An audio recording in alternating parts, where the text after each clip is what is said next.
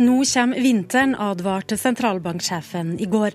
Vil kulda gjøre at politikerne endelig hører etter når han ber dem bremse oljepengebruken? Velkommen til Politisk kvarter. Lavere oljepris innebærer at vi som nasjon er blitt fattigere. Oljefondet kan være nær toppen. Avkastinga på kapital er også usikker. Da er det over tid ikke en farbar vei å øke oljepengebruken. Finansminister Siv Jensen, du satt i salen og hørte sentralbanksjef Øystein Olsen komme med de her advarslene i går. Er du enig med sentralbanksjefen i at Norge på sikt bør bremse bruken av oljepenger? For det første så syns jeg sentralbanksjefen holdt en veldig god tale i går, som illustrerer mye av de utfordringene vi nå står overfor. Hvor vi på den ene siden har store utfordringer på Sør- og Vestlandet, hvor mange bedrifter sliter og folk mister jobben. Og vi på den andre siden ser et næringsliv som går veldig bra i andre deler av landet, og som setter nye eksportrekorder. Når det gjelder oljepengebruk, så sa jo sentralbanksjefen to ting. Det ene var at det var riktig å bruke mer penger når uh, situasjonen er som den er, altså for å eh, ta høyde for uh, ledigheten og konjunktursituasjonen. Og så sa han at man over tid eh, bør tilpasse pengebruken. Og det er jo alle enig i. Vi skal alltid tilpasse budsjettene i forhold til eh, den konjunkturen vi faktisk har. Men eh, Øystein Olsen sier til Dagens Næringsliv i dag på spørsmål om akkurat det han sa på å bruke mer oljepenger for å få eh, fart på økonomien, så sa han at det ikke er noe råd om å bruke mer penger i 2016-budsjettet eller framover utover det som brukes nå. Og så minte han om at eh, finanspolitikken i 2016 allerede er ekspansiv. Vil det påvirke det han sa i talen, de tallene han sikta til der, vil det påvirke hvor mye oljepenger du er villig til å bruke i neste års eh, statsbudsjett? Regjeringen kommer til å bruke så mye oljepenger vi mener er riktig. Eh, nå er det slik at vi både bruker pengepolitikken, vi har eh, rekordlav rente. Vi har fått en krone som har svekket seg betydelig de siste to årene, som har styrket konkurranseevnen betydelig for eh, store deler av norsk næringsliv. Og vi har et ekspansivt budsjett som er helt riktig i den situasjonen vi står i nå. Så er spørsmålet hvordan tror vi at økonomien kommer til å utvikle seg i 2017? Det er et vanskelig spørsmål å svare på nå, fordi usikkerheten er stor. Det er vanskelig å eh, se hvor vi tror oljeprisen kommer til å legge seg. Eh, og det er fortsatt usikkerhet i forhold til en del andre konjunkturspørsmål. Eh, så på dette tidspunktet så er det umulig for meg å si hva regjeringen kommer til å gjøre når det gjelder oljepengebruk. Vi kommer til å vurdere dette grundig når vi lager budsjett, og som jeg har sagt mange ganger, vi gjør det som til enhver tid er riktig. Marianne Martinsen, eh, finanspolitisk talsperson i Arbeiderpartiet. Hvilke konsekvenser mener du at uh, oljepengebruken som har vært noen av de tidligere årene, bør få for oljepengebruk framover? Den talen Øystein Olsen holdt i går, var en helt klar advarsel mot den oljepengebruken som sittende regjering har lagt seg på. Han sa jo f.eks. at oljepengebruken gjennom de siste tre åra har økt like mye som de foregående ti. Eh, han viste også eh, en graf som illustrerer at 2016 kan bli det første året hvor vi tar mer penger ut av fondet enn det vi eh, setter inn. Og så Når en sentralbanksjef varsler at vinteren kommer, så, så forstår vi alle at det er alvor. Men vi har brukt de åra fram til nå med høy oljepris godt til å bygge et solid forsvar, forsvarsverk, bl.a. gjennom handlingsregelen, som finansministeren alltid har vært imot, men som nå gir henne skyts til å sette inn eh, konkrete, målretta tiltak for å bekjempe ledighet når det trengs. Eh, og Det som er så synd eh, og, og, alvorlig med at pengebruken nå har vært høy gjennom de siste tre åra, det er at de ikke har fulgt det rådet som Øystein eh, Olsen ga tydelig i går, om at dette skal være midlertidig, eh, lett å reversere. De har svekka statens inntekter permanent, prioritert de store pengene på skattekutt uten beviselig effekt på økonomien, og gjort at rommet for å bruke finanspolitikken målretta mot de næringene som har problemer, er mindre enn det det burde ha vært. Siv Jensen, hvorfor har det vært nødvendig å bruke så mye oljekroner de tre siste årene? Ja, det er helt riktig at vi har brukt mer oljepenger de tre siste årene enn de foregående ti. Eh, det er ikke noe Øystein Olsen har kommet på. Det har regjeringen også redegjort for i sine, eh, i sine budsjett eh, som er lagt frem for Stortinget. Det er fordi vi har sagt at den økte oljepengebruken skal gå til vekstfremmende tiltak. Og vi har jo særlig prioritert å bruke det på økte investeringer i infrastruktur, som bidrar til, eh, bidrar til reduserte kostnader for næringslivet. Vi har styrket forskning og utdanning, og ikke minst så har vi lagt opp til vekstfremmende skattereduksjoner. Men så er det sånn at den ekstra oljepengebruken regjeringen la opp til i statsbudsjettet for 2016, gikk til en målrettet tiltakspakke eh, til Sør- og Vestlandet, hvor hele poenget var at vi skal kunne trekke den ned igjen når situasjonen normaliserer seg. De fire milliardene, ja, det er altså de fire milliardene mindre som Arbeiderpartiet ikke ville bruke av oljepengene i budsjettet for 2016. Og det går ikke an som Arbeiderpartiet nå forsøker, å si at vi skal bruke mindre penger. Men samtidig så skal vi bruke mer penger. Det er et veldig dårlig svar i en krevende konjunktursituasjon hvor vi er nødt til eh, å stimulere økonomien, særlig på Sør- og Vestlandet. Og det hadde ikke vært mulig med fire milliarder mindre til tiltakspakken som Arbeiderpartiet foreslår. Vi foreslo til sammen en tiltakspakke på nær 7 milliarder kroner i vårt alternative budsjett. Og det er fullt mulig å bruke mer penger på tiltak som faktisk fungerer for å bekjempe ledighet. Målretta tiltak, bygging av ferjer, ta i bruk ny teknologi, pusse opp skoler. Alt det som faktisk har sysselsettingseffekt. Samtidig som man har kontroll på den overordna pengebruken. Men... Og det kan vi gjøre fordi at vi ikke har prioritert disse skattekuttene som ikke har hatt noe effekt på økonomien så langt. Det er jo finansministerens problem. At hun har brukt mange, mange milliarder over tre budsjetter nå uten å få effekt i økonomien. Det er bare å se hvordan ledigheten stiger. Det er helt riktig at vi har redusert det samlede skattetrykket med 18 milliarder siden vi kom i regjering. Og det er jo den beskjeden Marianne Martinsen Arbeiderpartiet nå sender til norsk næringsliv og husholdningene. At hvis de får makt, så skal de altså skjerpe skattene med 18 milliarder til, for de har jo sagt at de ikke vil ha det reduserte skattenivået som denne regjeringen har lagt opp til. I sitt alternative budsjett for i år foreslo de å skjerpe skattene med 10 milliarder. Er det noen som tror at det er et bidrag til å styrke konkurransekraften for eh, arbeidslivet, for næringslivet. Eh, de ber altså nå samlet sett 19 næringsorganisasjoner om lavere skatt for å kunne styrke konkurranseevnen sin, og så er Arbeiderpartiets svar å skjerpe skatten. Det er jo ikke bedre næringsbeskatning dere har prioritert. Dere har prioritert jo, skattekutt eh, til, til stort sett de aller mest velstående i dette landet, og vi sitter nå i forhandlinger i Stortinget for å bidra til å få på plass et skattesystem som gjør det mer lønnsomt å investere i arbeidsplasser i Norge.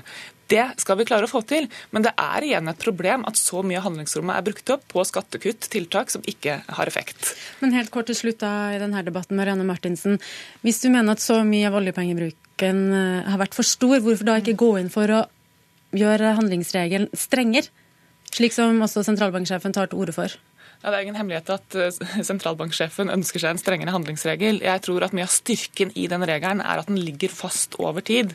Eh, og vi vil nok komme tilbake der hvor 4 %-banen igjen er relevant. Så vi skal være forsiktige med å begynne å rokke ved den. Mye av styrken ligger i at den eh, har, har bundet oss gjennom mange år. Men det betyr i realiteten at vi kan bruke mer oljepenger hvis vi skulle følge den regelen. Så dere må bestemme dere for hva dere skal kritisere. Men kjære vene, vi har da ikke vært i nærheten av å ta til orde for at vi skal ligge på 4 %-banen nå. Så det er en kritikk som finansministeren bør spare seg for. Nå skal vi gå litt eh, bort fra handlingsregel og framtidas eh, oljepengebruk, og heller snakke litt mer om de mer umiddelbare konsekvensene av eh, lav oljepris, nemlig høyere ledighet.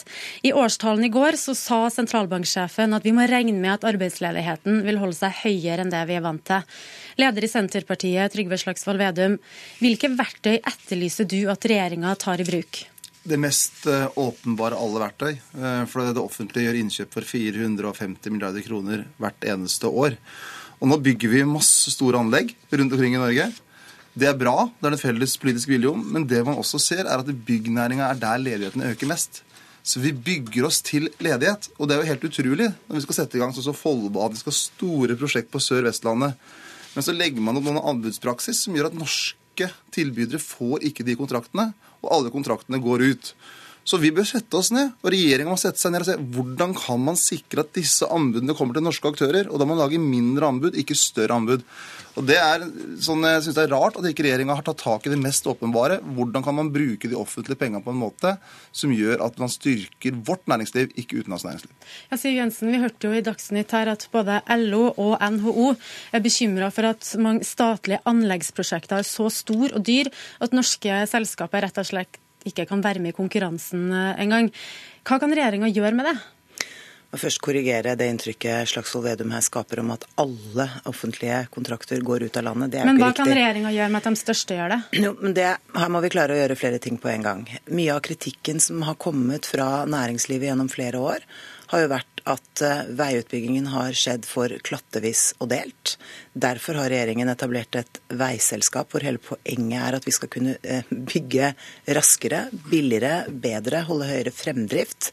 Bl.a. også fordi at vi får mer igjen for de pengene vi bruker på veibygging på den måten. Den kritikken har jo vært vedvarende i mange, mange år. Nå prøver vi å gjøre noe med det, slik at vi kan få mer igjen for pengene. Men det betyr jo ikke at den type kontraktsinngåelser skal skje hele veien. Det vil fortsatt være mange anbud som tildeles gjennom mindre kontrakter. Eh, og I tillegg går også regjeringen gjennom hele anskaffelsesregelverket nettopp for å få bedre funksjonalitet gjennom offentlige anskaffelser. Så jeg tror man skal være litt forsiktig med å si at alt det regjeringen nå gjør, legger opp til å sende alle kontrakter ut av landet. Nei, det er ikke riktig. Men vi må klare også å være opptatt av at dine skattepenger eh, går til en rask og effektiv veiutbygging, slik at vi får mer kilometer vei igjen for pengene. Og det trodde jeg oppriktig talt at også Senterpartiet var enig i. Men det som er, altså, Vi må jo jorde politikken i realitetene. Og når det er en felles politisk vilje med å øke utbyggingen av vei, øke utbyggingen av jernbane, så må vi se, da skulle man tro at det skapte flere arbeidsplasser. Men så ser vi at den bransjen der ledigheten øker mest, er nettopp i byggnæringa og anleggsbransjen. Og da, da, gjør vi noe feil, må Siv Jensen si. da. Så, sånn, som finansminister, Når min regjering sørger for at vi har kontrakter, og så går de kontraktene ut sånn at norsk ledighet øker, så må jo Frp tenke at det her må vi tenke oss om. Så når man da legger ut et anbud f.eks. nå i Arendal-Tvedestrand på 5 milliarder kroner, der ingen norske aktører noensinne har lagt inn et så stort anbud, bør man kanskje dele det opp, som at også norske aktører har mulighet til å være med på de anbudene. Og så har vi fremma et forslag i Stortinget nå om eh, det norske regjeringskvartalet. Der vi sier at Nå må regjeringa legge føringer i en tidlig fase som gjør at norsk anleggsbransje, norsk byggeteknikk, er konkurransedyktig, som kan ta de store kontraktene. Så vi må jo bruke våre offentlige penger til å styrke vårt eget næringsliv. For vi styrer Norge, og da må vi tenke på hvordan kan vi gi norske arbeidsplasser, og ikke bare tenke helt sånn blindt på én og én sektor. Men, men, det har jo, som Siv Jensen sa, det er jo en grunn til at uh, man nå har større prosjekter, større kontrakter. Er du villig til å da heller ha litt mer ulønnsomme og lappeteppekontrakter, bare for at norske selskaper skal komme på banen? Vi må selvfølgelig tilpasse kontraktene som gjør at også norske selskap kan eh, konkurrere, og at vi kan bygge opp norsk industri. For det har vært suksessen i Norge at vi har brukt offentlige virkemidler til å bygge opp våre næringsaktører. Og da bør vi, når vi ser at kontrakter på 5 milliarder er nesten helt umulig for norske aktører å være med og konkurrere på, så bør vi dele dem opp. Og en kontrakt på f.eks. 1 milliard det er ikke noen liten kontrakt, det heller. Men da må vi se hvilket næringsliv er det vi har i Norge. Kan vi bruke det offentlige innkjøpet sånn at vi bygger opp våre arbeidsplasser og får ned ledigheten? For det er jo det som er problemet nå, at ledigheten øker bl.a. innen bygg og anlegg, samtidig som vi bruker historisk mye penger fra offentlig sektor innen bygg og anlegg. Og da gjør vi noe feil. Jeg er veldig enig i at det er viktig å ha gode rammebetingelser for eh, norsk industri, norsk næringsliv, fordi det kan bidra til å styrke norske arbeidsplasser. Derfor har vi jo tatt i bruk mange grep for å få det til, ikke minst gjennom et konkurransedyktig skattesystem. Vi har redusert et betydelig byråkrati og gjort det enklere på en lang rekke områder. Men når det gjelder akkurat det med, med anlegg, var det meninga at det skulle bli sånn at uh, de utenlandske selskapene skulle stikke av med de største kontraktene? Det som er viktig, er at vi har god fremdrift både i jernbaneprosjekter og i veiprosjekter.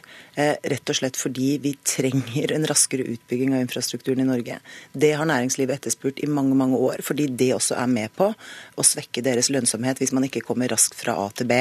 Så Vi må altså både klare å ha god fremdrift i samferdselsprosjekter, samtidig som vi vi legger til rette for eh, gode eh, og lønnsomme rammebetingelser. Men det er altså sånn at eh, en av jeg vil si, fordelene store deler av norsk næringsliv og offentlig sektor nå opplever eh, som følge av eh, oljeprisfallet, er jo at tilgangen på ingeniører øker både til bygg- og anleggssektoren, til offentlig sektor, til Jernbaneverket er og til store Marianne deler av norsk næringsliv. Marianne Martinsen i Arbeiderpartiet, kan eh, Senterpartiet få støtte av, av dere her?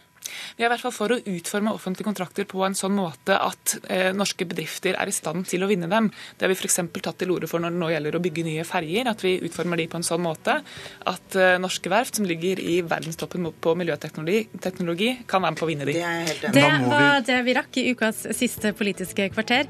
Takk for at dere kom. Jeg heter Siv Sand.